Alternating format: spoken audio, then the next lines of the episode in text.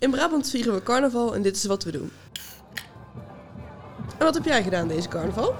Ehm, ah, ik heb wel een mooi verhaal. Ehm, ik heb mijn fiets eh, voor Happy Italy neergezet. Eh, een soort herkenningspunt in de stad. Ik dacht van als ik er dan s'avonds hartstikke dronken ben, dan vind ik hem sowieso terug. Eh, nou ja, ik was hartstikke dronken en ik heb mijn telefoon erbij gepakt.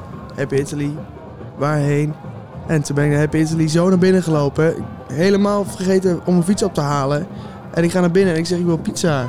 Zegt die man, ja het is gesloten, we willen eigenlijk zo weg. En toen zei ik, ja, dan kan ik hem toch zelf maken. Toen zeiden, ja, dat is goed. Ga maar achter de bar staan.